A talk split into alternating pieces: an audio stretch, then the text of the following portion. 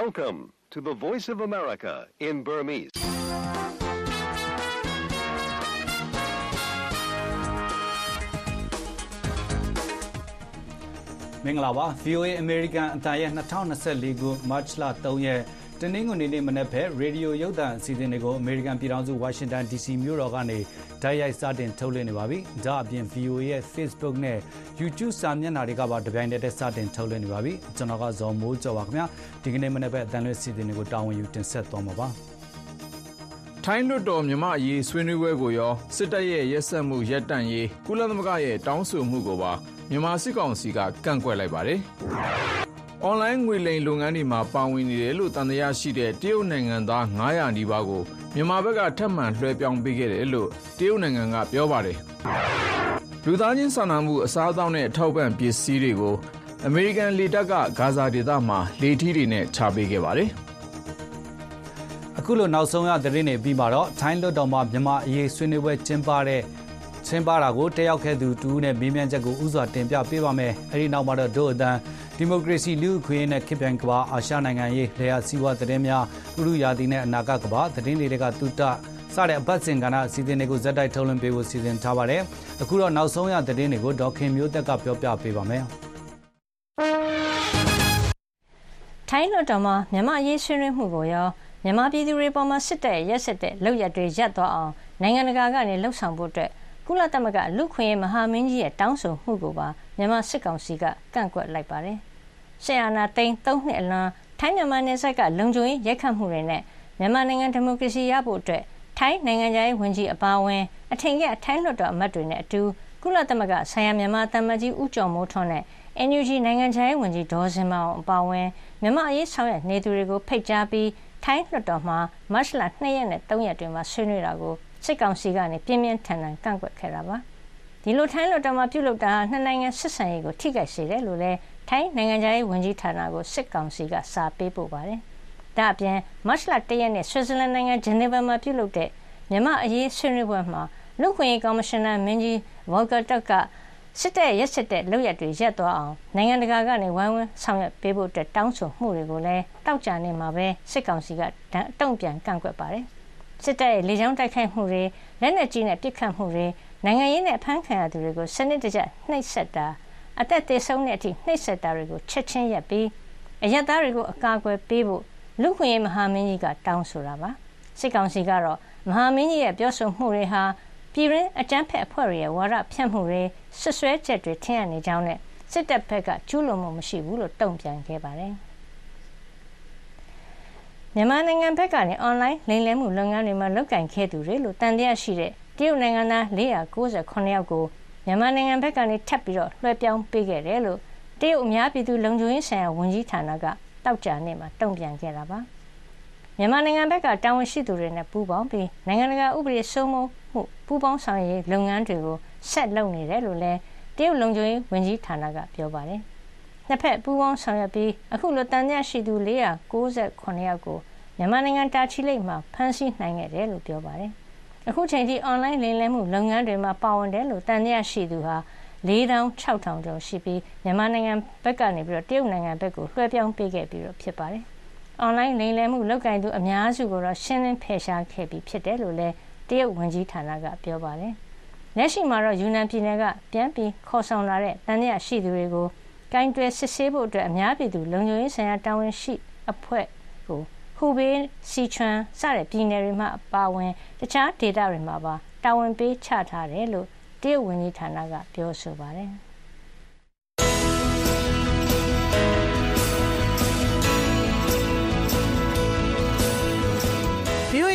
American တန်မနေ့ဖက်မြန်မာဘာသာအစီအစဉ်တွေကိုမနေ့6နာရီကနေ9နာရီအထိလိုင်းဒိုမီတာ32 kHz 9335နဲ့9383ညလိုင်းဒိုမီတာ49 kHz 6153ညပထမနိုင်ဝက်မှာလှိုင်းလက်မီတာ190 kHz 1505တို့ကနေပြီးထုတ်လွှင့်ပေးနေပါတယ်ရှင်။ VOA American တန်ကတနင်္ဂနွေမနက်ခင်းသတင်းတွေကိုဆက်လက်ကြီးညာနေပါတယ်။စစ်တမ်းခန်းရတဲ့ဂါဇာဒေသကပြည်သူတွေအတွက် အစားအသောက်နဲ့အထောက်ပံ့ပစ္စည်းတွေကိုသမ္မတဂျိုးဘိုင်ဒန်အမိန့်နဲ့အရေးပေါ်လူသားချင်းစာနာမှုအကူအညီအဖြစ်အမေရိကန်လေတပ်ကလေထီးတွေနဲ့ချပေးခဲ့ပါတယ်။အမေရိကန်စစ်သုံးကုန်တင်လေယာဉ် C-1 သတ္တိပေါ်ကနေလိုက်ချပေးနေတဲ့ဒီလူသားချင်းစာနာမှုအကူအညီထဲမှာလူပေါင်း၃သောင်းခွဲကျော်စားသုံးနိုင်မယ့်အသင့်စားအစားအသောက်တွေပါဝင်ပြီးဒါဟာပထမအသုတ်အနေနဲ့ပေးပို့တာပါ။ဒီကူညီထောက်ပံ့ရေးပစ္စည်းတွေကိုအငတ်ဘေးကြုံလူနည်းဖြစ်နေတယ်လို့ကုလသမဂ္ဂကအကြံပြုထားတဲ့ ဂါဇာဒေသကရက်ကွက်ကြီးမှာချပေးခဲ့တာပါ။အခုလိုလေကြောင်းကနေလိုက်ပြီးချပေးတာကိုအစ္စရေးကလည်းထောက်ခံကူညီတယ်လို့ဒါဟာရေရှည်သက်ရောက်မှုရှိလိမ့်မယ်လို့သမ္မတအင်ဒူကပြောပါတယ်။ဒုက္ခရင်ဆိုင်နေရတဲ့ဂါဇာဒေသခံတွေအတွက်အမေရိကန်သားမကဂျော်ဒန်နဲ့အစ္စရေးတပ်တွေကလည်းလေကြောင်းကနေလူသားချင်းစာနာမှုအကူအညီတွေချပေးနေပါတယ်။စာနာမှုအကူအညီတွေပါတဲ့ရင်တန်းကပစ္စည်းတွေရဖို့အတွက်တိုးဝှေ့သွားရောက်တဲ့ပါလက်စတိုင်းသား115ယောက်ထက်မနည်းတေဆုံးခဲ့ရပြီးတဲ့နောက်မှာ အခုလိုလေကြောင်းကနေတဆင့်အကူအညီတွေကိုချပေးဖို့အတွက်အမေရိကန်သမ္မတဂျိုးဘိုင်ဒန်ကညွှန်ကြားခဲ့တာဖြစ်ပါတယ်။အမေရိကန်တောင်ပိုင်းတက္ကဆက်ပြည်နယ်မှာပြီးခဲ့တဲ့ရက်ပိုင်းကစပြီးတော့လောင်ကျွမ်းနေတဲ့မီးဟာတက္ကဆက်သမိုင်းမှာအကြီးဆုံးတောမီးကြီးဖြစ်ပြီးဥရုရာသီအခြေအနေတွေကြောင့်မီးဆွယ်ကျိုးအောင်နှိမ့်သက်ဖို့အတွက်မီးတဲ့သမားတွေအတော့ကိုရုန်းကန်နေရပါတယ်။ဒီစနေတနင်္ဂနွေမှာ၆တွေ့တဲ့ရာသီဥတုနဲ့ လေပြင်းတွေတိုက်ခတ်နေတာကြောင့်လည်းမီးပွားတွေပိုးပြီးပြန့်သွားနိုင်တယ်လို့အမေရိကန်ဥရုရာသီစောင့်ကြည့်ရေးဌာနကသတိပေးပါတယ်။ Texas ပြည်နယ် Panhandle ဒေသကအသားကျင်တဲ့ဂိုဒေါင်တစ်ခုကနေတနင်္လာနေ့မှာစတင်လောင်ကျွမ်းတဲ့ဒီမီးကြောင့်အနည်းဆုံးလူ2ဦးသေဆုံးခဲ့ရပြီးနေအိမ်တွေအပါအဝင် အဆောက်အဦပေါင်း900တဲ့မနည်းပျက်စီးဆုံးရှုံးခဲ့ရပါတယ်။ကျင်းနွားတွေသေဆုံးမှုရှိပြီးစကြက်မြေတွေနဲ့တဘာဝလွင်ပြင်တွေမီးလောင်ကျွမ်းပြီးကြာရစ်ပါတယ်။ ဒီတောမီးက စတူယန်မိုင် 1900 ကျော် လောင်ကျွမ်းခဲ့ပြီးတော့အိုကလာဟိုးမားပြည်နယ် အနောက်ဘက်ခြမ်း နယ်စပ်အထိကို ကူးသွားခဲ့တာပါ။ Texas ပြည်နယ်ထဲမှာတဘာဝဘေးအန္တရာယ်အတွက် အရေးပေါ် တုံ့ပြန်ဆောင်ရွက်ရေး အမိန့်ကို ပြည်နယ်အုပ်ချုပ်ရေးမှူး Greg Abbott က February 29ရက်နေ့ကလေးက ထုတ်ပြန်ထားပါတယ်။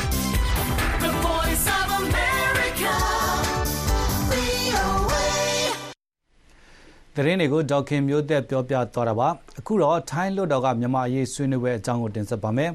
မြန်မာအိန္ဒိချင်းထိုင်းနိုင်ငံမှာအထင်ကရထိုင်းလွှတ်တော်အမတ်တွေဦးဆောင်ပြီးမြန်မာအရေးသုံးသပ်အဖြေရှာတဲ့ဆွေးနွေးပွဲတစ်ရက်ကိုမတ်လ2ရက်နဲ့3ရက်နေ့တွေမှာကျင်းပပါတယ်ဂျာကာလာအမျိုးသားညီညွတ်ရေးအစိုးရ NUG ခေါင်းဆောင်တွေမြန်မာရေးဥဆောင်လှုပ်ရှားနေသူတွေကိုလည်းဖိတ်ဖိတ်ကြားတက်ရောက်စေခဲ့ပါတယ်မြန်မာရေးကိုအလေးထားဆွေးနွေးတဲ့အပေါ်အင်မတန်အားတက်မိတယ်လို့ဒီဆွေးနွေးပွဲမှာပါဝင်ခဲ့တဲ့ Progressive Voice of Myanmar ရှေ့ပြေးအတန်အဖွဲ့ကဒေါက်ခင်အုံမာကပြောပါတယ်မက်ခင်ဖြူတွေကဆက်သွယ်မေးမြန်းထားပါတယ်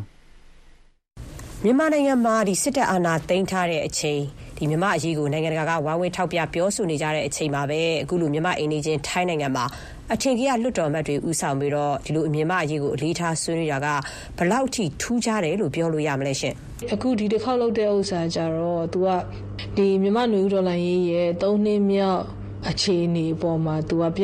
အချိန်ကိုဟိုတွက်ပြီးတော့မှအဲ့ဒီအချိန်ကိုအာယူပြီးတော့မှ तू က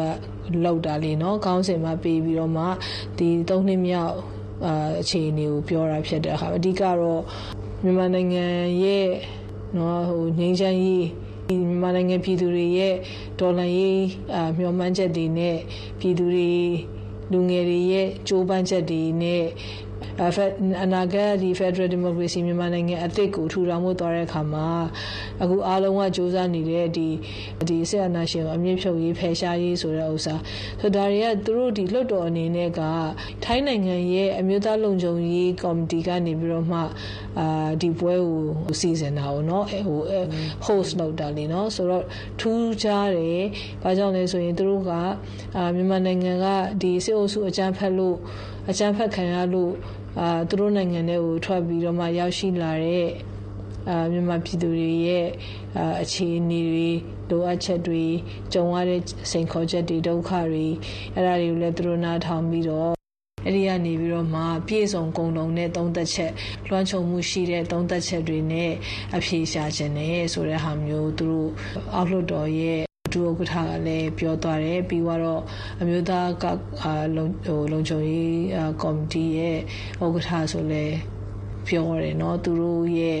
အာစေတနာကိုကျမတို့မြင်ရတယ်အဓိကအထူးခြားဆုံးကိစ္စကတော့ကျမတို့ဒီနေဦးတော်လန်ရေးရဲ့နိုင်ငံရေးဦးဆောင်အဖွဲ့တွေကိုသူတို့ဒီအာတလီဟိုလေးလေးဆဆားနဲ့အတိအမှတ်ပြုပြီးတော့မှတရားဝင်အတိအမှတ်ပြုပြီးတော့မှ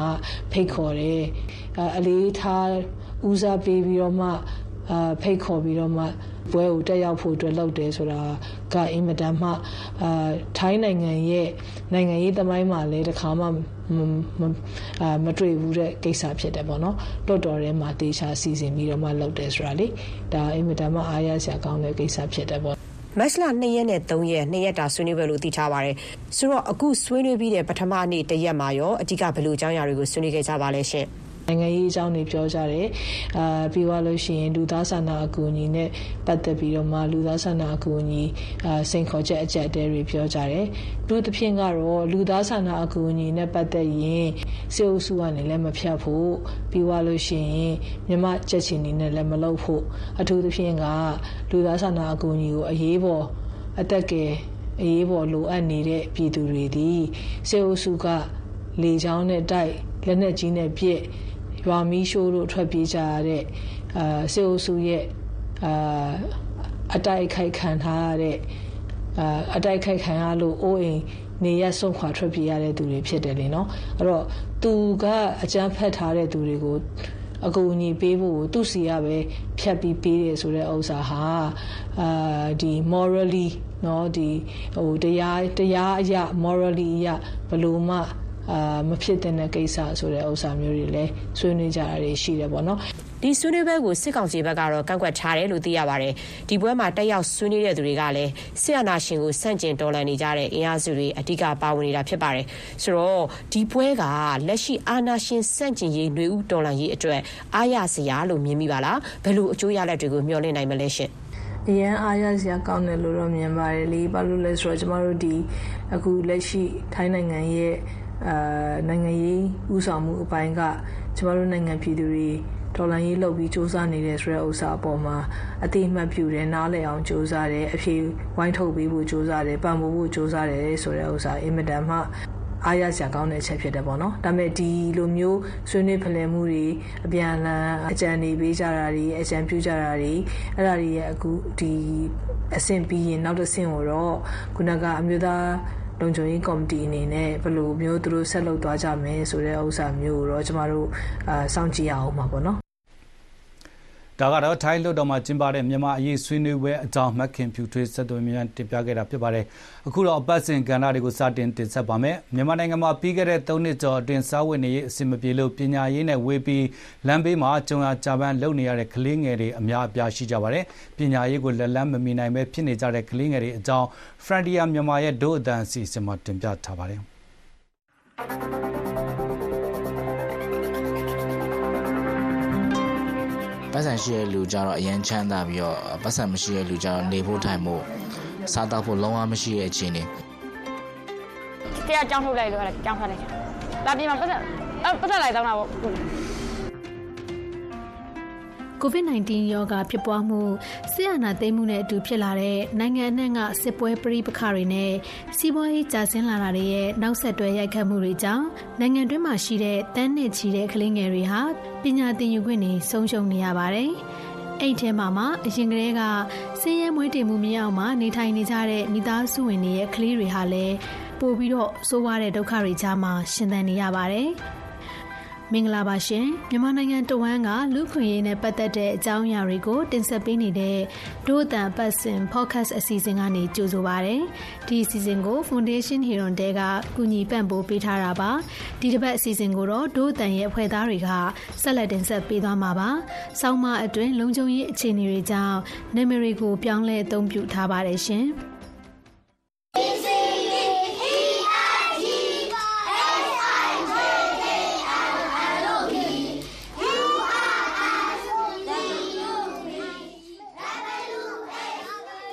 ရန်ကုန်မြို့တောင်ကလာမြို့နယ်မှာရှိတဲ့ဖုံးတော်ကြီးကျောင်းဝင်းထဲမှာအရွယ်စုံကလေးငယ်တွေရဲ့စာအန်တန်တွေပြန့်လွင့်နေပါတယ်။ဒါပေမဲ့ဒါကဖုံးတော်ကြီးတင်စာတင်ကျောင်းတစ်ခုတော့မဟုတ်ပါဘူး။ရီချမ်းစစ်ဆိုတဲ့ပရဟိတအဖွဲ့က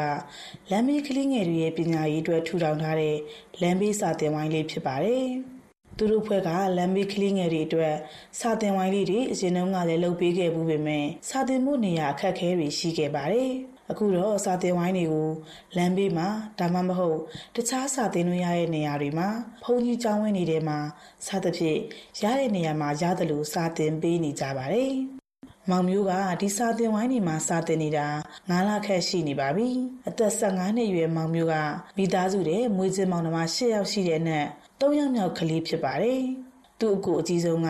လွန်ခဲ့တဲ့နှစ်အနည်းငယ်ကအိမ်ကနေထွက်သွားခဲ့တယ်လို့ဒုတိယမြောက်အကိုကလည်းမတန်ဆွမ်းသူဖြစ်ပါတယ်။သူတို့မိသားစုကဆင်းရဲနွမ်းပါကြပါတယ်။ကျမ်းမာရေးရလမ်းလျှောက်သွားလာရမှာအခက်ခဲရှိတဲ့ဖခင်ဖြစ်သူကတန်ဦးတန်ခွက်အဟောင်းရောင်းဝယ်တဲ့အလုပ်လုပ်ကိုင်ပေမဲ့ဒါကလည်းမိသားစုစာဝတ်နေရေးအတွက်မလုံလောက်ပြန်ပါဘူး။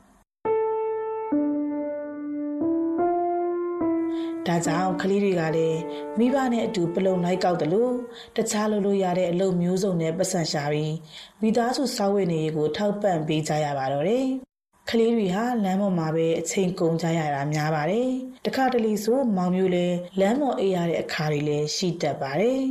ဘေးကအိမ်ကနေစာပဲတက်နေကြောင်းပဲတက်နေဘာမှမလုပ်ဘူးပဲအိမ်ကနေချတာပညာပဲလာတင်တာအိမ်ကနေချတဲ့စိုးမဆိုင်တော့လုံးမလုံးလို့တဲ့ လုံးလုံးလုံးကလည်းပယံလုံးလုံးကလည်းပယံမထွက်လိုက်လို့ဆိုပြီးတော့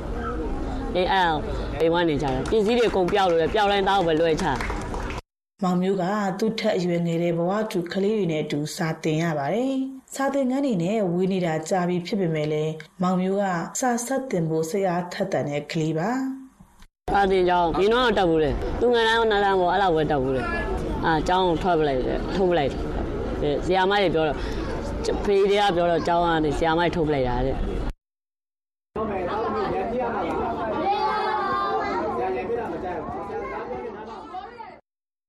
ကိုဖြိုးကရေချမ်းစင်စာတင်ဝိုင်းတီထောင်သူဖြစ်ပါတယ်။လက်ရှိအချိန်မှာတော့မြန်မာနိုင်ငံကစင်းရဲနွမ်းမားသူတွေအတွက်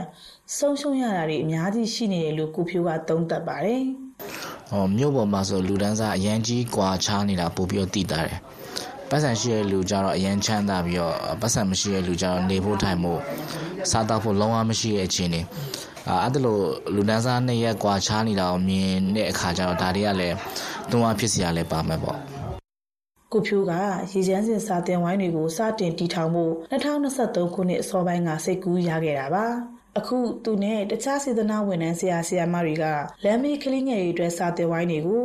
ရန်ကုန်မြို့နေရာအနှံ့မှာတပတ်မှလေးရက်ဖွင့်လှစ်တင်ကြားပေးနေပါတယ်။မြို့နယ်ရှိခုမှာစာတင်ဝိုင်းရှိဝိုင်းကလေးစုစုပေါင်း900ကနေ800ဝန်းကျင်ထိ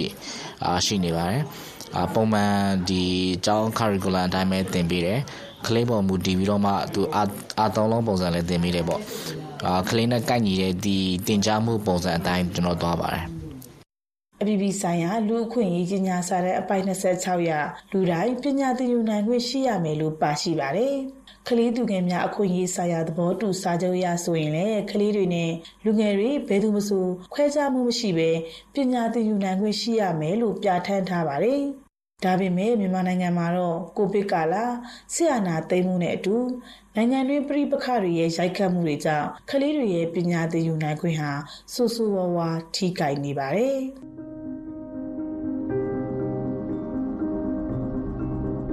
ကမ္ဘာ့ဘဏ်ကတော့2022ခုနှစ်မှာမြန်မာနိုင်ငံရဲ့လူဦးရေ40ရာခိုင်နှုန်းဟာဆင်းရဲမွဲတေမှုမြင့်အောင်နေထိုင်နေကြရပြီးဒီထက်မြင့်တက်လာနိုင်ပွဲရှိရလို့ခန့်မှန်းချက်ထားပါတယ်။ ဒါအပြင်2023ခုနှစ်ကစစ်တမ်းတစ်ခုရဲ့တွေ့ရှိချက်မှာလည်းအသက်6နှစ်ကနေ18နှစ်ကြားကကလေးငယ်28ရာခိုင်နှုန်းဟာကျောင်းပြင်ပရောက်သွားကြပြီးဒီအရေးအတွက်ကကိုဗစ်မတိုင်မီကာလတက်ပိုများတယ်လို့ကမ္ဘာ့ဘဏ်ကဆိုထားပါတယ်။အာနာသိမ့်မှုပြီးကလေးကကလေးမိဘတွေမှာဝင်ငွေမလောက်ငှမှုတွေဖြစ်လာတာကအဓိကအခက်အခဲဖြစ်လာပါတယ်။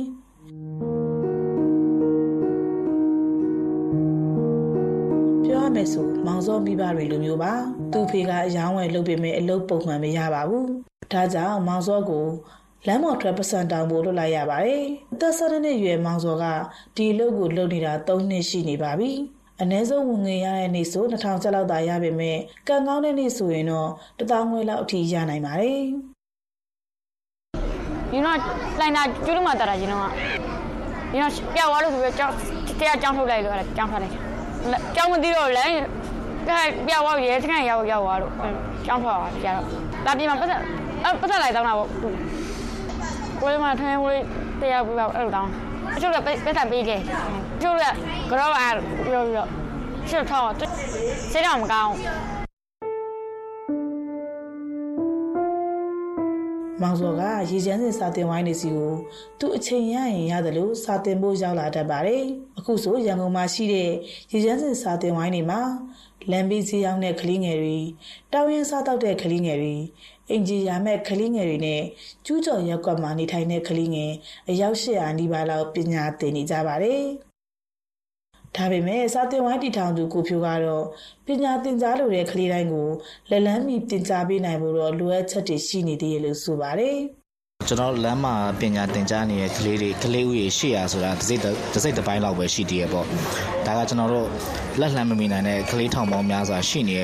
ရှိနေရလို့ကျွန်တော်မြင်ပါတယ်ကလေးတော်တော်များများတော့ပညာသင်ခြင်းစိတ်ရှိကြရပေါ့ဟုတ်အရင်ကတော့လမ်းဘေးကလေးငယ်တွေအရေးလှုပ်ဆောင်တဲ့အဖွဲ့အစည်းတွေအများပြားရှိခဲ့ပေမဲ့အခုချိန်မှာတော့အဖွဲ့အစည်းအနည်းငယ်သာလှုပ်ဆောင်နိုင်မှာတော့တယ်။ ဆီယမမော်နီကာကအန်ယူဂျီရဲ့အမျိုးသမီးလူငယ်နဲ့ကလေးသူငယ်ရေးရာဝန်ကြီးဌာနကကလေးသူငယ်ရေးရာတာဝန်ခံဖြစ်ပါတယ်။သူကအရင်ရသားဆိုရလက်ထက်တွေမှာလှုပ်ဆောင်ခဲ့တဲ့လမ်းဘေးကလေးစီမံချက်တွေမှာလည်းပါဝင်ခဲ့မှုသူလည်းဖြစ်ပါတယ်။လက်ရှိမှာအာနာသိန်းစစ်ကောင်စီကလမ်းမေးကလေးရေးနဲ့ပတ်သက်ပြီးလှုံ့ဆော်တာမျိုးတွေမတွေ့ရဘူးလို့သူကဆိုပါတယ်။ ဒါအပြင်အရက်ဖက်အဖွဲ့အစည်းတွေပေါ်တင်းကျပ်တဲ့အသင်းဖွဲ့ဥပဒေပြဋ္ဌာန်းလိုက်တာတွေကြောင့်ကလေးသူငယ်ရေးလှုံ့ဆော်နေတဲ့ပရိုက်တာအဖွဲ့အစည်းတချို့ရန်နာသွားကြတာတွေရှိပါတယ်။ ဘာကြောင့်ဒါတွေကဆက်မသွားနိုင်တော့တာလဲဆိုရင်ကျမတို့လက်ရှိမှာပေါ့နော်ကျမမြင်တယ်ဒီစစ်ကောင်စီရဲ့ဒီခုနလက်ရှိအဖွဲ့အစည်းတွေပေါ်မှာတင်းကျပ်ထားတာတွေပေါ့နော်နောက်ပြီးတော့သူတို့ကိုမယုံတဲ့အတွက်ခုနရမုံငွေတွေဟိုစီစဉ်မှုတွေနည်းလာတာတွေဒီဖက်မှာလည်းလိုအပ်ချက်တွေပေါ့ကဘာနဲ့အဝမ်းမှာလိုအပ်ချက်များလာသလိုမြန်မာပြည်မှာဆိုလို့ရှိရင်လည်းအထူးသဖြင့်တော့ဒီစစ်ပေးရှောင်တွေဘက်ကိုပို့ပြီးတော့ပို့ပြီးတော့အားဆိုင်နေကြတဲ့အပိုင်းတွေရှိတဲ့အခါကျတော့ဒီလည်းမဟုတ်ကလေးအခြေအနေလေးတွေကဟိုပေါ့နော်လက်ရှိမှာ အရန်ကြီးလုတ်ပေးနိုင်တဲ့စွမ်းအားတွေလည်းနည်းသွားသလိုလုတ်ပိုင်လုတ်နိုင်ခွင့်တွေလည်းနည်းနေတယ်လို့ကျမတို့ယူဆတယ်ပေါ့နော်ဒါအပြင်စာဝတ်နေရေးအတွက်လမ်းမတွေပေါ်မှာရုန်းကန်နေရတာကြောင့်အနေရတွေ့နိုင်ကြီးတွေကိုလည်းနေ့စဉ်ရင်ဆိုင်နေကြရပါတယ်။အသက်15နှစ်အရွယ်မောင်မျိုးဖို့တော့လမ်းပေါ်မှာရှင်သန်ရမယ့်သူအတွက်အနေရတွေကိုရင်ဆိုင်ဖြည့်ရှင်းနိုင်ဖို့အမြင်အရွယ်ရောက်လာဖို့လိုနေပါပြီ။ ဒါပေမဲ့အ ਨੇ ဆုံးတော့မောင်မျိုးအတွက်လောကကြီးကြောင်းတင်ယူနေနိုင်ပါတယ်။သူကြီးလာတဲ့အခါသူ့ကိုရှောက်ခဲ့တဲ့လမ်းတိုင်းချက်ချီနီအဖွဲသားတူဖြစ်ကျင်သူပါ။ဒီရေချမ်းစင်စာတင်ဝိုင်းတွေကနေတဆင့်သူ့အိမ်မက်တွေစီရအောင်သွားနိုင်မယ်လို့မောင်မျိုးကမျှော်လင့်နေပါတယ်ပြောတယ်ဆရာတွေနဲ့ဆရာမတွေနဲ့အကုန်လုံးတငယ်ချင်းတွေနဲ့အကုန်လုံးပြောတယ် အေးရောက်ရင်နားတွေညီကျွန်တော်ဖြစ်ချင်တဲ့ဟာမဖြစ်မချင်ရတော့ကျွန်တော်ကြိုးစားအောင်ပါတက်ချင်ဝင်နေဝင်ဖို့ဒိုးအတန်ရဲ့ဒီတစ်ပတ်အစီအစဉ်ကိုနားဆင်ပေးတဲ့အတွက်ကျေးဇူးတင်ပါတယ်ရှင်။နားဆင်သူတွေရဲ့လူမှုကွန်ရက်ပေါ်ကနေဝေဖန်အကြံပေးတာတွေကိုလည်းကြိုဆိုပါရစေ။နောက်တစ်ပတ်မှာထုတ်လွှင့်မဲ့ဒိုးအတန် podcast ကိုလည်းစောင့်မျှော်နားဆင်ပေးကြပါအောင်ရှင်။ VOA အစီအစဉ်တွေကိုရေဒီယိုရုံမြင်တန်ကြားတို့ဖြင့် Facebook စာမျက်နှာကနေပြီးတော့လည်းနားဆင်ကြည့်ရှုနိုင်ပါတယ်။ VOA မြန်မာပိုင်း Facebook စာမျက်နှာလိပ်စာကတော့ facebook.com/voaburmese ဖြစ်ပါတယ်။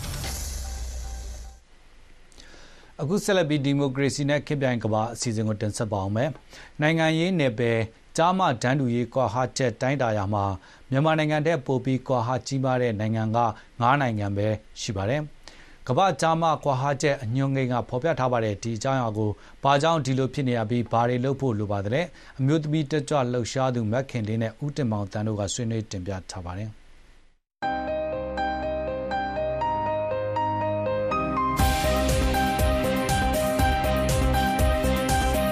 လာမယ့်၈ရက်နေ့ဟာနိုင်ငံတကာအမျိုးသမီးနေ့ဖြစ်ပါတယ်။အဖွဲ့အသီးသီးဟာဒီနေ့အတွက်ကြွေးကြော်တန်တွေကိုအမျိုးမျိုးသတ်မှတ်ကြတာလည်းတွေ့ရပါတယ်။ အဲကုလသမဂ္ဂအင်တာနက်စာမျက်နှာမှာတော့အမျိုးသမီးရေးမှာရင်းနှီးမြှုပ်နှံကြအရှိန်ဟုန်မြင့်တင်ဆောင်ရွက်ကြဆိုတဲ့အဓိပ္ပာယ်ရနိုင်တဲ့အကြွေးကြော်တန်ကိုတင်ထားတာလည်းကျွန်တော်တွေ့ရပါတယ်။ဆိုတော့ဒီအကြောင်းကိုဆွေးနွေးပေးဖို့ဖိတ်ခေါ်ထားသူကတော့မြမအမျိုးသမီးရေးတက်ကြွလှုပ်ရှားသူမခင်လေးဖြစ်ပါတယ်။အဲမင်္ဂလာပါမခင်လေးမင်္ဂလာပါဆရာဟုတ်ကဲ့ကျွန်တော်တို့ဒီဒီ Global Gender Gap Index ပေါ့နော် ကျားမဝါဟာချက်အညွန်ကိန်း2023မှာမြန်မာနိုင်ငံကအမှတ်တရမှာ65မှတ်ပဲရပြီးကမ္ဘာအဆင့်မှာဆိုရင်123ဖြစ်နေတာတွေ့ရပါတယ်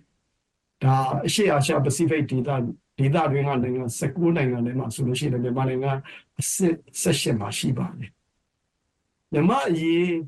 တက်ကြွလှုပ်ရှားသူတယောက်အနေနဲ့ကဘာနဲ့ရှင်လိုက်တဲ့အခါမြန်မာနိုင်ငံရဲ့အရွေ့ကိုခြုံငုံပြီးတော့သုံးသပ်မယ်ဆိုရင် မခင်တွေဘယ်လိုများသုံးသပ်ပါမလဲခင်ဗျဟုတ်ကဲ့ပါဆရာဒီ index တွေကတော့ဒါနိုင်ငံတကာကသူတို့လို့ရိုးလို့စင်အတိုင်းလောက်တာပေါ့နော်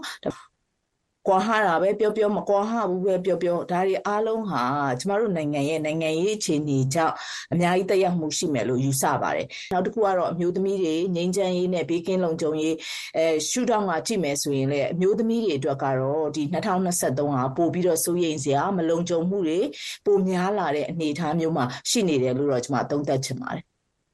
global gender gap ပေါ့နော်ဒါအင်္ဂလိပ်လိုအတူအဖြစ်ဆိုရင်တော့ G3 လုံးအညွှန်းကိန်းပေါ့နော် ဆိုတော့ပညာရေးမှာတော့ကျွန်တော်တို့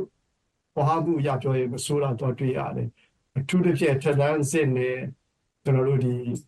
ဒီတိုက်ကိုအစစ်ပေါ့နော်ဆိုတော့ဒီနေရာဒီမှာတော့ကြားမဘာဟာမှုဒါနေတာကိုပေါ်ပြီးတွေ့ရဒါပေမဲ့အမျိုးသမီးထုတရားလုံးအနေနဲ့စာတတ်မြောက်မှုမှာတော့ဒါနိုင်ငံပေါင်း146နိုင်ငံမြန်မာနိုင်ငံ103မှာပဲရှိနေသေးတယ်အဲ့တော့ မြန်မာနိုင်ငံသူများနဲ့ပို့ပြီးနောက်ကျနေတာကစီးပွားရေးနဲ့နိုင်ငံရေးနယ်ပယ်ဒီမှာကျွန်တော်တို့သွားတွေ့ရပါတယ်ဆိုတော့ဘလို့ပွားအရာစုမှာအမျိုးသမီးတွေပါဝင်နိုင်ခွင့်နှိုင်းယှဉ်မှုရနည်းနေတာတွေ့ရတယ်လို့ဝေငွေကွာခြားမှုကလည်းရှိနေတာတွေ့ရပါတယ်ဆိုတော့ယာထုရတိုးတက်မှုမှာလည်းကျမအကွာဟာရှိနေတာတွေ့ရပါတယ်ဆိုတော့ဘာကြောင့်ဒီလိုဖြစ်နေရပြီးဘာတွေလုပ်ဖို့များလို့ပဲလို့မခင်နေထင်ပါလဲ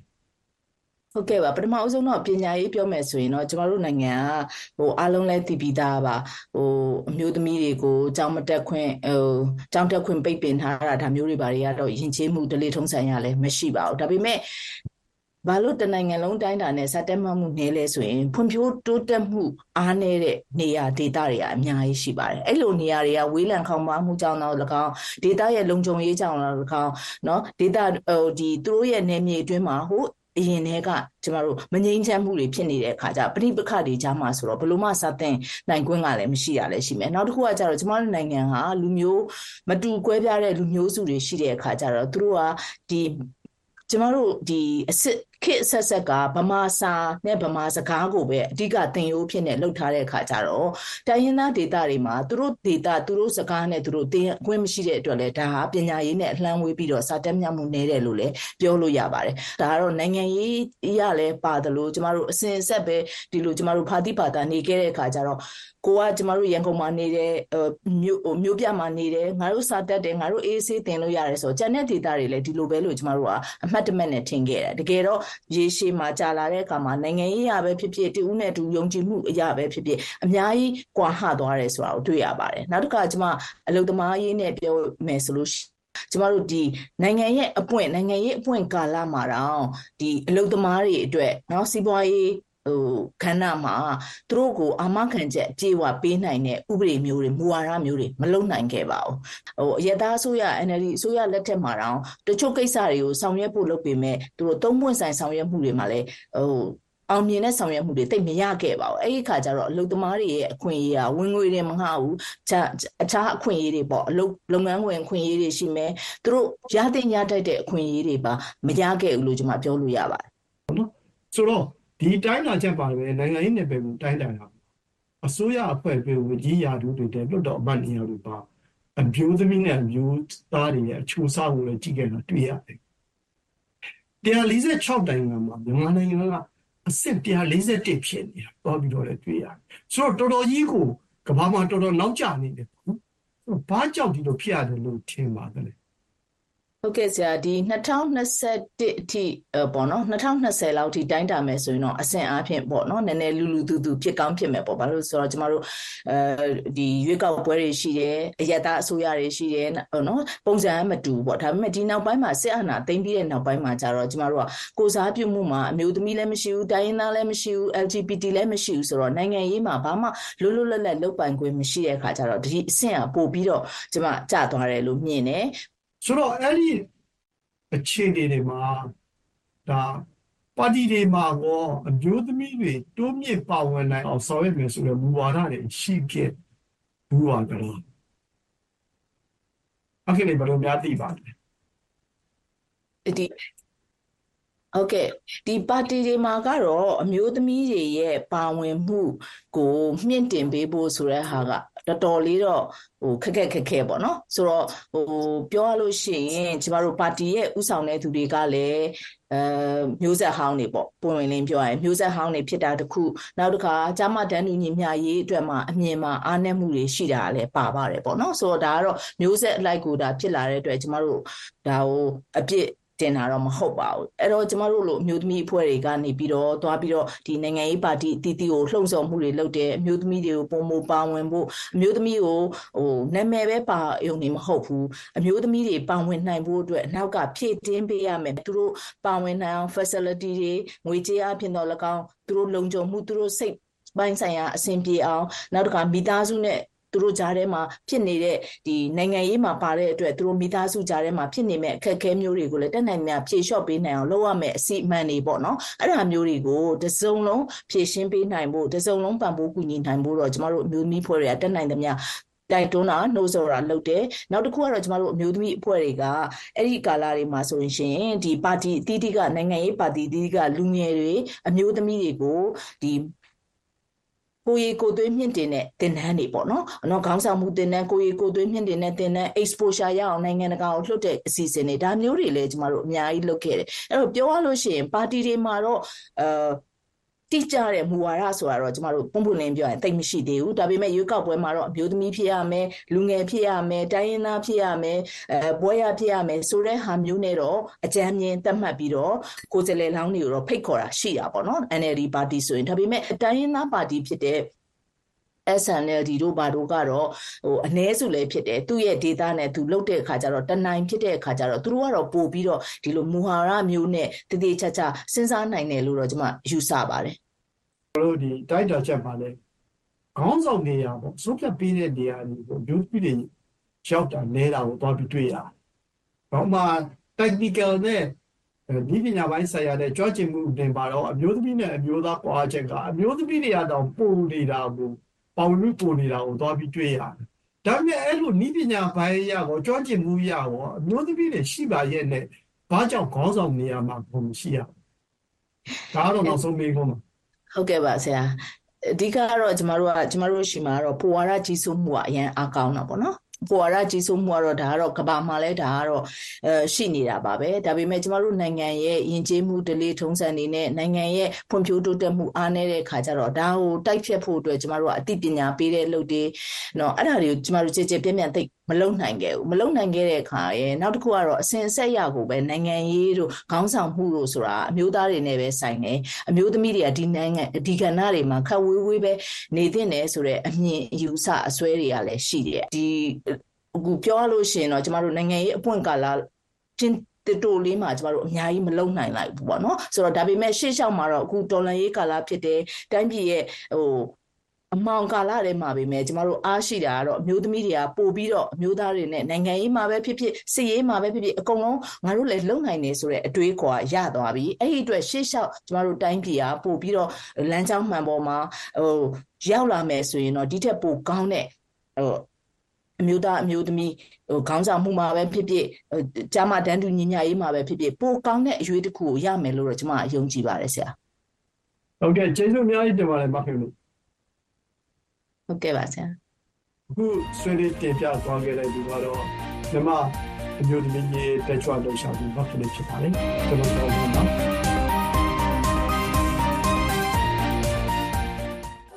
သတင်းမှန်တွေရဖို့အရေးကြီးတဲ့ဒီကနေ့ခေတ်မှာကမ္ဘာကြီးရဲ့ဘယ်ရက်ဒေတာမှာပဲရောက်နေပါစေခလုတ်တစ်ချက်နှိပ်လိုက်ရုံနဲ့သတင်းမှန်တွေရယူနိုင်ပါပြီလက်ပြားလေးနဲ့တစ်ချက်တောက်ရုံနဲ့ရယူနိုင်မဲ့သတင်းတွေနိုင်ငံရေးဖြစ်စဉ်တွေတကယ့်ဘဝဆက်လန်းတွေ one click ခလုတ်တစ်ချက်နှိပ်ရုံနဲ့ကမ္ဘာရဲ့ရက်ကအတန်တွေကိုချိတ်ဆက်နားဆင်နိုင်မှာဖြစ်ပါတယ်ဘယ်ချိန်ဘယ်နေရာကပဲဖြစ်ဖြစ် VOA Plus application ကို download ရယူပါမင်္ဂလာပါ VOA American အသံရဲ့တနင်္ဂနွေနေ့မနေ့ဖက်ရေဒီယိုရုပ်သံအစီအစဉ်ကိုဆက်လက်ထုတ်လွှင့်နေပါတယ်အခုတော့အပတ်စဉ်ကဏ္ဍတွေဖြစ်တဲ့အာရှနိုင်ငံရေး လေယာစီးပွားသတင်းများဥရုယာတိနဲ့ အနာဂတ်ကဘာသတင်းတွေကတူတာစားတဲ့ အပတ်စဉ်ကဏ္ဍတွေကိုစက်တိုက် ထုတ်လွှင့်ပေးပါအောင်မယ် ပထမအဦးဆုံးကတော့ အာရှနိုင်ငံရေး အစီအစဉ် ဖြစ်ပါတယ် အင်ဒိုနီးရှားမှာ လူအခွင့်အရေး ချိုးဖောက်မှုတွေ ကျူးလွန်ခဲ့တယ်လို့ဆွဆွဲခံထားရတဲ့ သမ္မတရွေးကောက်ပွဲ အနိုင်ရ ဗိုလ်ချုပ်ဟောင်းပရာဘိုဝိုဆူပီယန်တိုကိုကျယ်လေးပွင့် ဗိုလ်ချုပ်အဖြစ် ဂုံတူးဆောင်ယာဒူတိုးပေးလိုက်တဲ့အပေါ် ဝေဖန်မှုတွေ ထွက်ပေါ်လာနေပါတယ်။ ဖိလစ်ပိုင်သမ္မတမာကိုစ်ဂျူနီယာကတော့မဟာဗျူဟာမြောက်ပူးပေါင်းဆောင်ရွက်ရေးတွေအတွက်ဩစတြေးလျနိုင်ငံကိုသွားပါတယ်။ဂျပန်နဲ့အိန္ဒိယပုံမှန်စီးရေးလေ့ကျင့်မှုတွေပြုလုပ်ပါတယ်။ကျွန်တော်ဇော်မိုးကျော်ကပဲစူးစီးတင်ပြပေးပါမယ်။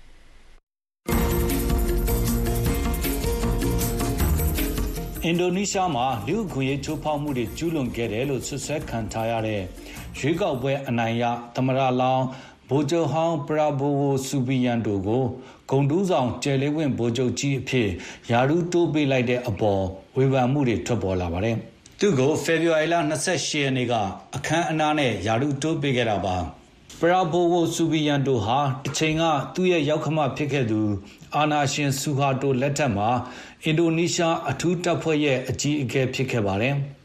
ဒီမိုကရေစီအရေးလှုပ်ရှားသူတွေနဲ့အတိုက်အခံနိုင်ငံရေးသမားတွေကိုဖမ်းဆီးညှဉ်းပန်းနှိပ်စက်တပ်ဖြတ်မှုတွေကျူးလွန်ခဲ့တယ်လို့ဆွဆွဲခံထားရသူဖြစ်ပါတယ်။ဒါအပြင်1980 1990ကျော်နှစ်တွေအတွင်းအရှိတီမောလွတ်မြောက်ရေးလှုပ်ရှားမှုကိုနှိမ်နင်းခဲ့ရမှာအင်ဒိုနီးရှားတပ်တွေကိုဥဆောင်ပါဝင်ခဲ့သူဆူဘီယန်တိုဟာအရှိတီမောမှာလည်းလူအခွင့်အရေးချိုးဖောက်မှုတွေကိုကျူးလွန်ခဲ့တယ်လို့ဆွဆွဲခံထားရပါတယ်။ဒါအပြင်1998ခုနှစ် အာနာရှင် ဗိုလ်ချုပ်ကြီးဆူဟာတို ပြုတ်ကျတဲ့အခါ ကြားပြတာဝန်ယူခဲ့တဲ့ သမ္မတဟာဘီဘီအစိုးရကို အာနာသိမ့်ဖို့ အထူးတပ်ဖွဲ့ခေါင်းဆောင် ဒုတိယဗိုလ်ချုပ်ကြီးစူဘီယန်တို့ဟာ ကြီးတက်လေတက်တွေနဲ့ အာနာသိမ့်ဖို့ ကြိုးပမ်းခဲ့တယ်လို့ဆွဆွဲခံထားရပါတယ်။ဒီလို လူအခွင့်အရေး ချိုးဖောက်မှုတွေကြောင့် သူ့ကို အင်ဒိုနီးရှားတပ်ကနေ အရေးယူ ထုတ်ပယ်ခဲ့ပါတယ်။ဒါအပြင် အမေရိကန်နဲ့ အနောက်တိုင်းနိုင်ငံတချို့ကလည်း အရေးယူတန်ခတ်ခဲ့ပြီး ပြည်ဝင်ခွင့်တွေပါ ပိတ်ထားခဲ့ပါတယ်။ဒါပေမဲ့2019ခုနှစ် သူကာကွယ်ရေးဝန်ကြီးဖြစ်လာမှ အမေရိကန်နဲ့အဲ့ဒီနိုင်ငံတွေက ပြည်ဝင်ခွင့်ပြန်ပေးခဲ့တာပါ။အသက်82နှစ်ရှိပြီဖြစ်တဲ့လက်ရှိကာကွယ်ရေးဝန်ကြီးဗိုလ်ချုပ်ကြီးဟောင်းပရာဘိုဆူဗီယန်တိုဟာပြီးခဲ့တဲ့ဖေဖော်ဝါရီလ14ရက်သမရရွေးကောက်ပွဲမှာလက်ရှိသမရဝီဒိုဒိုရဲ့သားနဲ့တွဲဖက်ခါအနိုင်ရရှိခဲ့တဲ့အတွက်သူဟာမကြာမီအင်ဒိုနီးရှားရဲ့သမရဖြစ်လာတော့မှာပါ။ စစ်တပ်ကအရေးယူထုတ်ပယ်ခံထားရသူတယောက်ကိုဂုံတူးဆောင်ဗိုလ်ချုပ်ကြီးပေးလိုက်တာဟာဘလို့မှမဖြစ်နိုင်ဘူးလို့မျှတမှုလို့အတိတ်ပဲရတဲ့ impartial လူခွင့်ရေးအဖွဲ့ကအမှုဆောင်အရာရှိ Gufron Marbury ကပြောပါတယ် Ini akan melanggengkan impunitas kejahatan pelanggaran hak asasi manusia yang melibatkan anggota dan perwira ဒါဟာစစ်တပ်ကစစ်သားတွေအရာရှိတွေအတိတ်မှာရောလာမယ့်အနာဂတ်မှာပါ ကျူးလွန်တဲ့လူအခွင့်အရေးချိုးဖောက်မှု ရာဇဝတ်မှုတွေကိုလူငင်းချမ်းသာခွင့်ပေးလိုက်တယ်လို့ဖြစ်နေပါတယ်။ဘာဖြစ်လို့လဲဆိုတော့ အင်ဒိုနီးရှားမှာ စစ်တပ်က ကျူးလွန်တဲ့ ရာဇဝတ်မှုတွေ လူအခွင့်အရေး ချိုးဖောက်မှုတွေကို အရေးယူရမယ်လို့ ဥပဒေအရရော နိုင်ငံရေးအရပါ ပြဋ္ဌာန်းထားပါတယ်။ဒါပေမဲ့ အခုလုပ်ရဟာ သမရကိုယ်တိုင်က အကာအကွယ်ပေးလိုက်တယ်လို့ဖြစ်နေပါတယ်။သမ္မတ ဝီဒိုဒိုကတော့ လက်ရှိ ကာဝေးရေးဦးစီးချုပ်က တင်ပြလာတဲ့အတွက် ဂုံတူးဆောင်ယာဒူးအနှင်းလိုက်တာလို့ ပြောပါတယ်။ လက်ရှိကာကွယ်ရေးဦးစီးချုပ်ဗိုလ်ချုပ်ကြီးအက်ဂတ်စ်ဆူဘီယန်တိုဟာ1992ခုနှစ်ကမှစစ်ဗိုလ်ဖြစ်လာသူဖြစ်ပါတယ်။အခုလိုအခြေအနေတွေကြောင့်အင်ဒိုနီးရှားမှာဆူဟာတိုလက်ထက်ကကြီးစိုးချယ်လှယ်ခဲ့သူတွေရဲ့ခေတ်ပြန်ရောက်လာမလားလို့ဝေဖန်မှုတွေလည်းရှိနေပါတယ်။အခုလိုအချိန်မှာပဲဖိလစ်ပိုင်သမ္မတမာကိုစ်ဂျူနီယာဟာ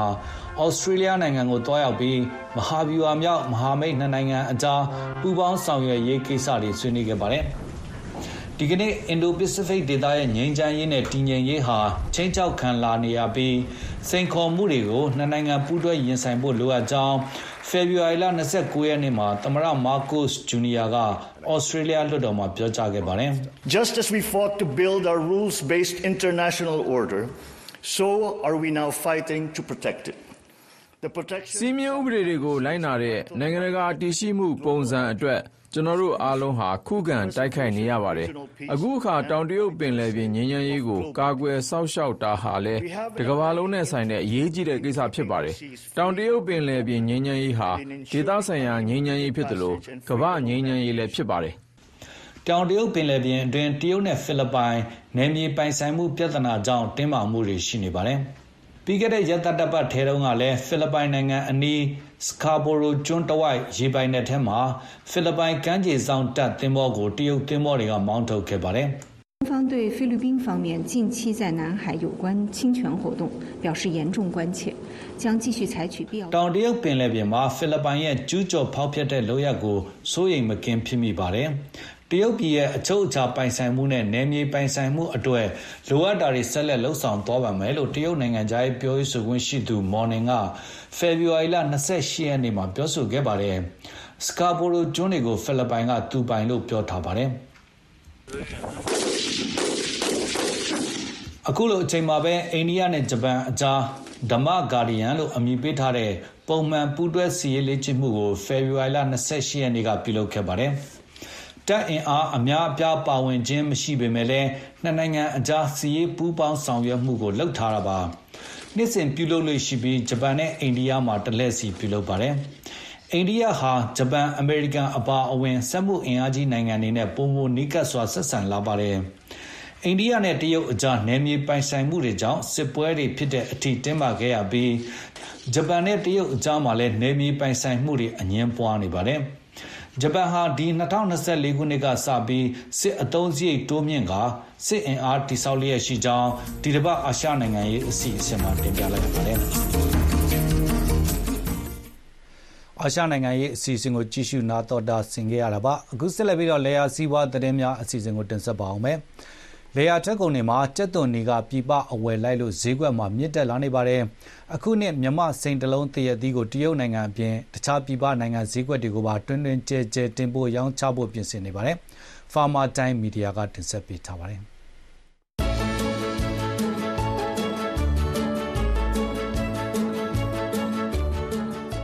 မင်္ဂလာပါလေယာစီဝါသတင်းများစီစဉ်ကနေ ကြိုဆိုပါရစေလေယာစုပြူရေး ချစ်သူများရှင်လန်းချမ်းမြေ့ကြပါစေရှင် ဒီတစ်ပတ်အတွက်လေယာစီဝါသတင်းတွေကိုကိုမြင့်မင်းဟန်တဲ့သူကျမမစ်စဘဲကတင်ဆက်ပြီးတော့ပါမယ်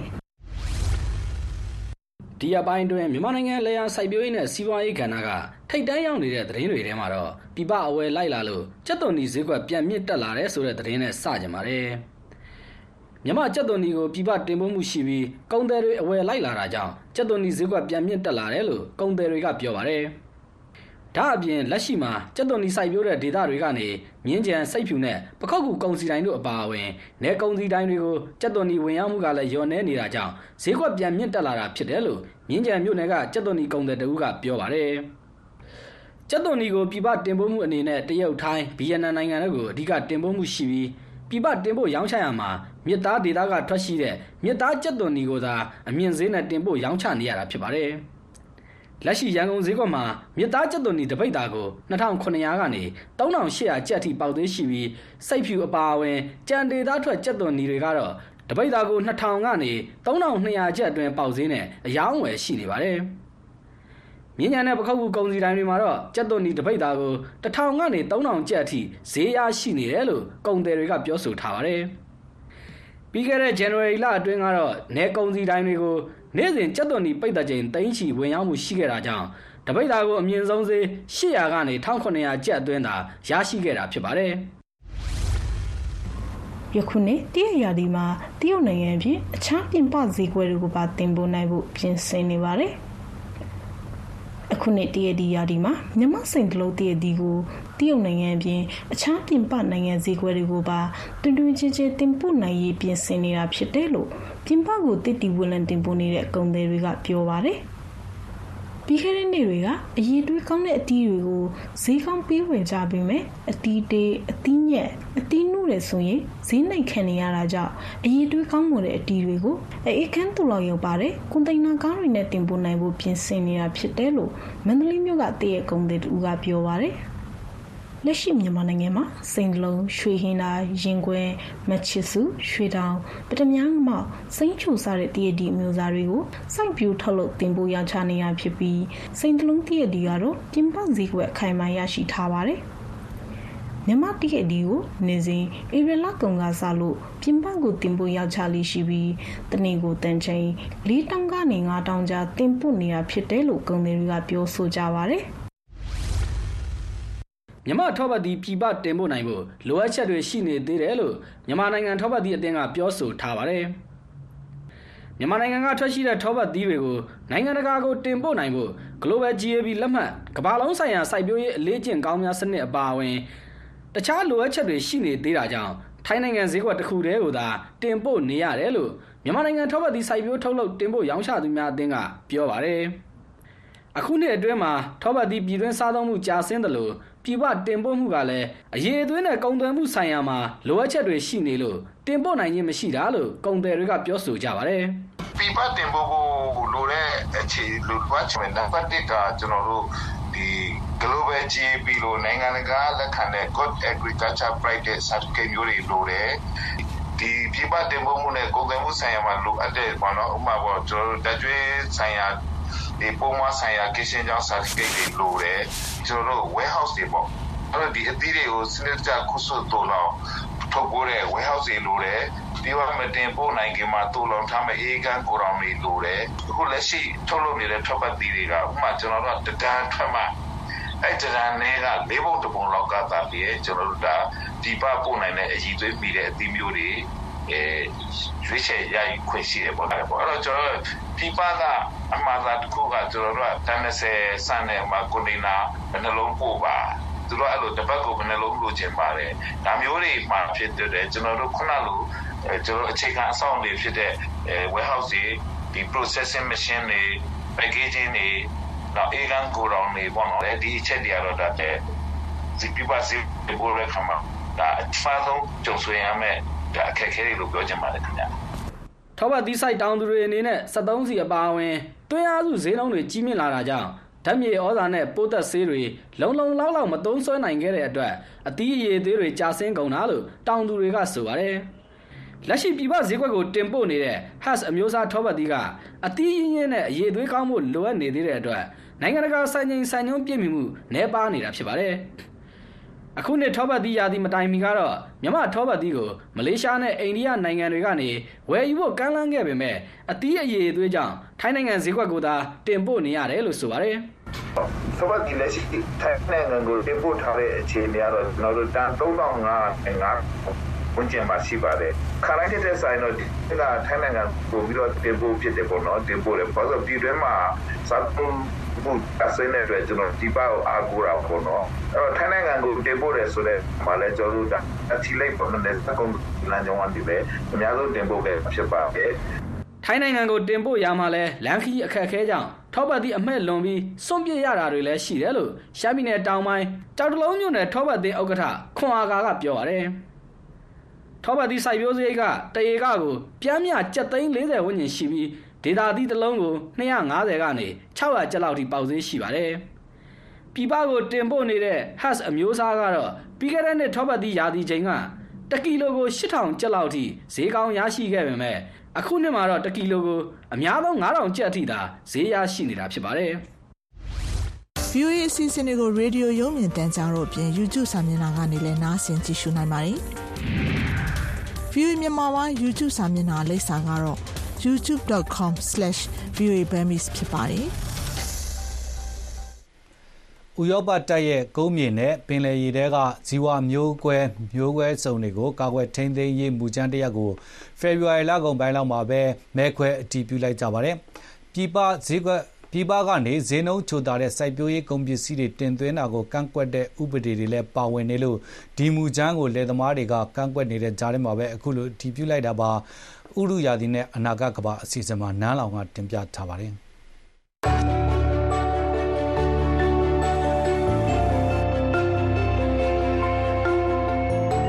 Der Antrag ist angenommen. လာမယ့်2030ပြည်လုံးနှစ်မှာ ကမ္ဘာရေထုနဲ့ မြေထုထဲက ဇီဝမျိုးစုံမျိုးကွဲပေါင်း30ရာခိုင်နှုန်းကို ကာကွယ်ထိန်းသိမ်းရေးဆိုတဲ့ မွန်ထရီယယ်အပြည်ပြည်ဆိုင်ရာ သဘောတူညီမှုကို အကောင့်ထဲဖော်တဲ့အနေနဲ့ ဥရောပသမဂ္ဂကအခုလိုဆောင်ရွက်လိုက်တာလည်း ဖြစ်ပါတယ်။ဥရောပ သဘာဝပတ်ဝန်းကျင်မူဝါဒရေးရာ ကိုယ်စားလှယ်စီဇာလူနာကအခုလိုကြေညာပါတယ်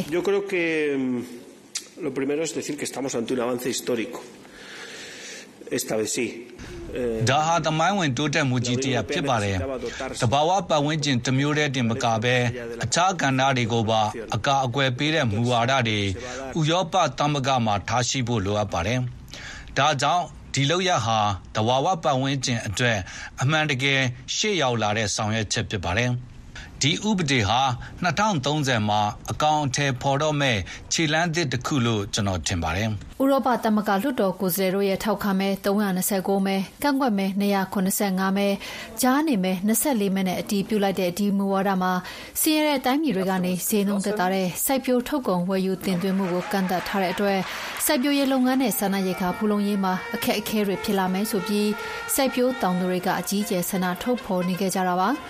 ဘယ်လ်ဂျီယမ်နိုင်ငံဘရပ်ဆဲလ်မြို့ကဥရောပသမဂ္ဂရုံးချုပ်ရှိမှလဲဥရောပတဝန်းကထောင်ပေါင်းများစွာသောလယ်သမားတွေအကြီးအကျယ်ဆန္ဒပြခဲ့ကြတာပါ။ဒါကြောင့်လဲဥရောပသမဂ္ဂကစိုက်ပျိုးတောင်သူတွေအတွက်တော့ချွင်းချက်တချို့နဲ့အခုမူချမ်းကိုအတည်ပြုခဲ့ကြတာဖြစ်ပါတယ်။ A pesar de ello, ha habido gente del Grupo Popular que ha cumplido, ha sido la menos, y ha habido gente del ဒီကိစ္စမှာဂျားကဝင်ပြီး ညှိနှိုင်းပေးမဲ့သူတွေရှိပေမဲ့လေယာသိန်းသမားတွေရဲ့ပြောဆိုချက်ကို ထောက်ခံပြီး ဒီမူချမ်းကို ကန့်ကွက်သွားကြတဲ့လူတွေလည်းရှိပါတယ်။အဲ့ဒီအထဲမှာ စပိန်ကအဖွဲ့ဝင်တွေလည်းပါပါတယ်။တဘာဝပန်ဝင်းကျင်ပြောင်းလဲမှုကို လက်မခံတဲ့သူတွေရဲ့လက်ကွက်မှာ ကစားခံရတဲ့လို့ပဲပြောရမှာပါ။ဒီနေရာမှာ စပိန်နိုင်ငံကအဖွဲ့တွေပါဝင်နေတာကို မြင်ရတာ စိတ်မကောင်းပါဘူး။ လယ်သမားတွေအပေါ်ကြိုးနီစနစ်နဲ့လွှမ်းမိုးမှုတွေရှိလာနိုင်တဲ့အတွက်ဆိုပြီး EU ပါလီမန်မှာအကြီးဆုံးဥပဒေပြုအဖွဲ့ဖြစ်တဲ့ဥရောပပြည်သူ့ပါတီကဒီဥပဒေမူကြမ်းကိုဆန့်ကျင်ကန့်ကွက်ခဲ့တဲ့ကြားမှာပဲအခုလိုအတည်ပြုနိုင်ခဲ့ကြတာလည်းဖြစ်ပါတယ်။ဒါဟာဥရောပသမဂ္ဂရဲ့သဘာဝပတ်ဝန်းကျင်ဆိုင်ရာအကြီးဆုံးမူဝါဒတရပ်လည်းဖြစ်ပါတယ်။ အဖွဲ့ဝင်နိုင်ငံတွေက2030ပြည်လို့နှစ်မှာ သူတို့ပိုင်မြေတူးနဲ့ ပင်လယ်ရေတူထဲက ဇီဝမျိုးစုံမျိုးကွဲငါးပုံတပုံကိုတဘာဝအတိုင်း ပြန်လည်ထူထောင်မဲ့အစီအစဉ်ကို တင်ပြကြမှာဖြစ်ပါတယ်။ EU ပါလီမန်အဖွဲ့ဝင်လည်းဖြစ်တဘာဝပတ်ဝန်းကျင်အရေး လှုပ်ရှားနေတဲ့ Green Group အဖွဲ့ ဥက္ကဋ္ဌလည်းဖြစ်တဲ့ Philip Lambert ကတော့ အားရကျေနပ်နေပါတယ်။ Main target symbolically has not been shut down so it's still flying It is imperfect, it is incomplete, it lacks ambition, but at least we have a foundation on which to ဒါမပြီးဆုံးသေးပါဘူး။ဆက်ပြီးလောက်ကင်တွားရအောင်မဲ့ကိစ္စတွေဖြစ်ပါတယ်။တဘာဝပတ်ဝန်းကျင်ရေးရာမူဝါဒတွေကမပြီးပြည့်စုံသေးပါဘူး။ဒီမှချက်တွေကင်းမဲ့နေသေးတယ်လို့ဆိုနိုင်ပါတယ်။ဒါပေမဲ့လည်းရှေ့လုပ်ငန်းစဉ်တွေအတွက်အ ਨੇ ဆုံးအခြေခံအုတ်မြစ်တွေတော့ချနိုင်ပါပြီ။ လက်ရှိမှာတော့ဥရောပရဲ့သဘာဝပတ်ဝန်းကျင်နဲ့ဇီဝမျိုးကွဲ87ရာခိုင်နှုန်းဟာဆိုးဝါးတဲ့အခြေအနေနဲ့ရင်ဆိုင်နေရတာဖြစ်တဲ့အတွက်ရှေ့ဆက်ဆောင်ရွက်ရမယ့်လုပ်ငန်းတွေထဲမှာကာဗွန်ဒိုင်အောက်ဆိုက်ဓာတ်ငွေတွေစုပ်ယူပေးနေတဲ့စိတ်မီတောတွေကိုပြန်လည်ထူထောင်ရေးလိုလုပ်ငန်းမျိုးတွေလည်းပါဝင်ပါတယ်။အခုပြဋ္ဌာန်းလိုက်တဲ့မူဝါဒအရဆိုရင်တော့ဇီဝခေယစနစ်ပြုပြင်ထိန်းသိမ်းရေးလုပ်ငန်းတွေကို2030ခုနှစ်မှာ30ရာခိုင်နှုန်း 2040မှာ60ရာခိုင်နှုန်းနဲ့2050မှာတော့90ရာခိုင်နှုန်းအထိ ဆောင်ရွက်သွားကြရမှာဖြစ်ပါတယ်။အဲ့ဒီလိုထိခိုက်လာတဲ့ သဘာဝပတ်ဝန်းကျင်ကို ရေရှည်ပြုပြင်ထိန်းသိမ်းစောင့်ရှောက်နိုင်အောင်လို့ Nature Restoration Law ဆိုတဲ့ မူကြမ်းကိုတော့2022ခုနှစ် နှစ်လယ်လောက်ကတည်းက ဥရောပသမဂ္ဂမှာ တင်သွင်းထားတာဖြစ်ပါတယ်။ တဘာဝပတ်ဝန်းကျင်ထိန်းသိမ်းရေးမှာဥရောပငွေကြေး1ယူရိုရင်းနှီးမြှုပ်နှံလိုက်ရင်အမြတ်အဆုံးက8ယူရိုအထိအနည်းဆုံးပြန်ရမှာဖြစ်တဲ့အတွက်စီးပွားရေးအရာလည်းထင်ရှားတဲ့အကျိုးအမြတ်တွေထွက်လာမယ်လို့ဥရောပကော်မရှင်ကပြောဆိုထားပါတယ်။အခုပြဋ္ဌာန်းချက်ကိုဥရောပကောင်စီကနောက်ဆုံးသဘောတူညီပြီးရင်တော့တဘာဝပတ်ဝန်းကျင်နဲ့ဥသူရာသီပြောင်းလဲမှုထိန်းချုပ်ရေးလုပ်ငန်းတွေကိုစတင်အကောင့်အထည်ဖော်နိုင်ကြတော့မှလည်းဖြစ်ပါတယ်။ကျွန်မနောင်လာပါ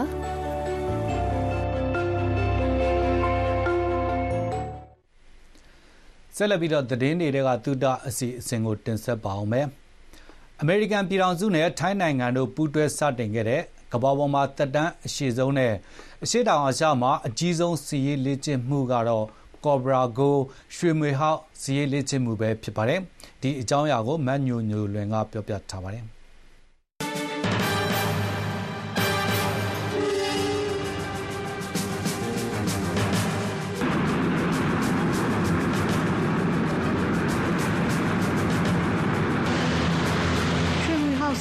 လေ့ကျင့်မှု”လို့ခေါ်တဲ့ Cobra Gold စစ်ရေးလေ့ကျင့်မှုဟာနိုင်ငံတကာပူးပေါင်းစစ်ရေးလေ့ကျင့်ကြတဲ့လှုပ်ရှားမှုတွေထဲမှာတော့အရှည်ကြာဆုံးလေ့ကျင့်မှုတစ်ခုဖြစ်ပါတယ်။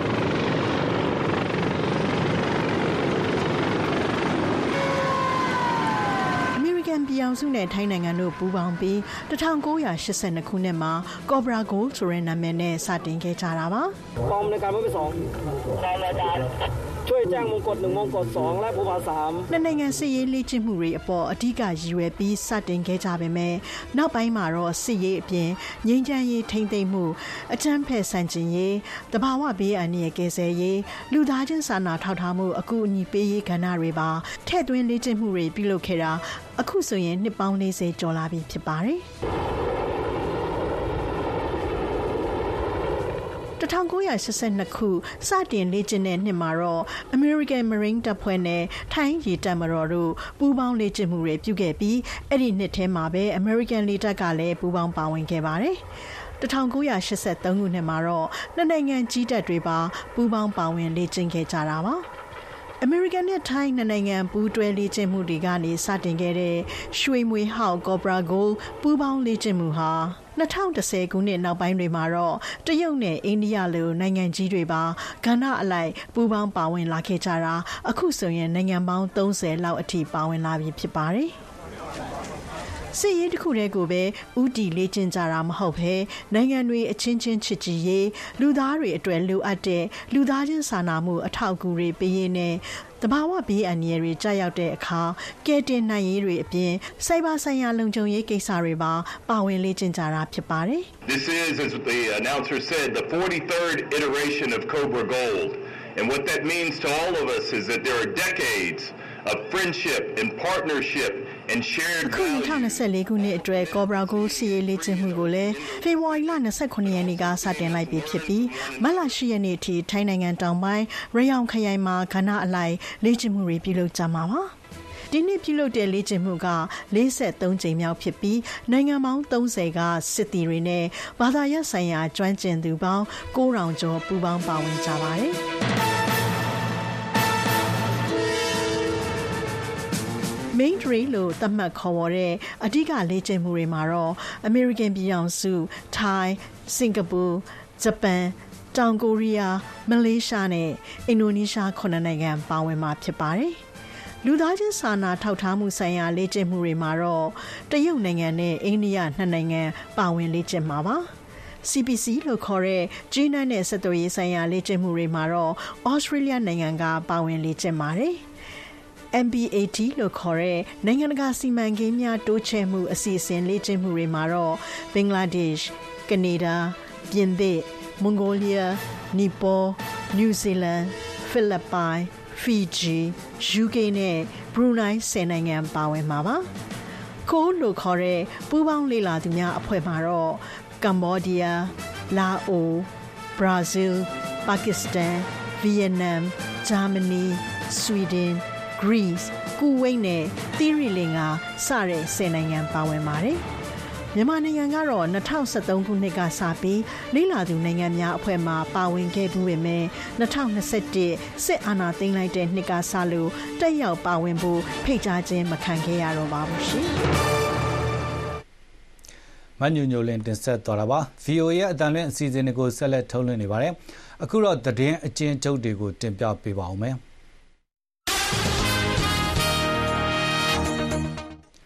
ထိုင်းလွှတ်တော်မှာ မြန်မာစစ်အာဏာသိမ်း ၃ နှစ်အလွန် နယ်စပ်လုံခြုံရေးနဲ့ မြန်မာဒီမိုကရေစီရေးအတွက် ထိုင်းနိုင်ငံရထိုင်းနိုင်ငံသားရေးဝန်ကြီး ထိုင်းလွှတ်တော်အမတ်တွေနဲ့ NUG အပါအဝင် မြန်မာဒီမိုကရေစီအင်အားစုတွေ တက်ရောက်ဆွေးနွေးခဲ့တဲ့ပွဲကို စစ်ကောင်စီက ပြင်းပြထန်ထန် ကန့်ကွက်ခဲ့ပါတယ်။ဒါအပြင် ဆွစ်ဇာလန်နိုင်ငံ ဂျနီဗာမှာပြုလုပ်တဲ့ မြန်မာအရေးဆွေးနွေးပွဲမှာ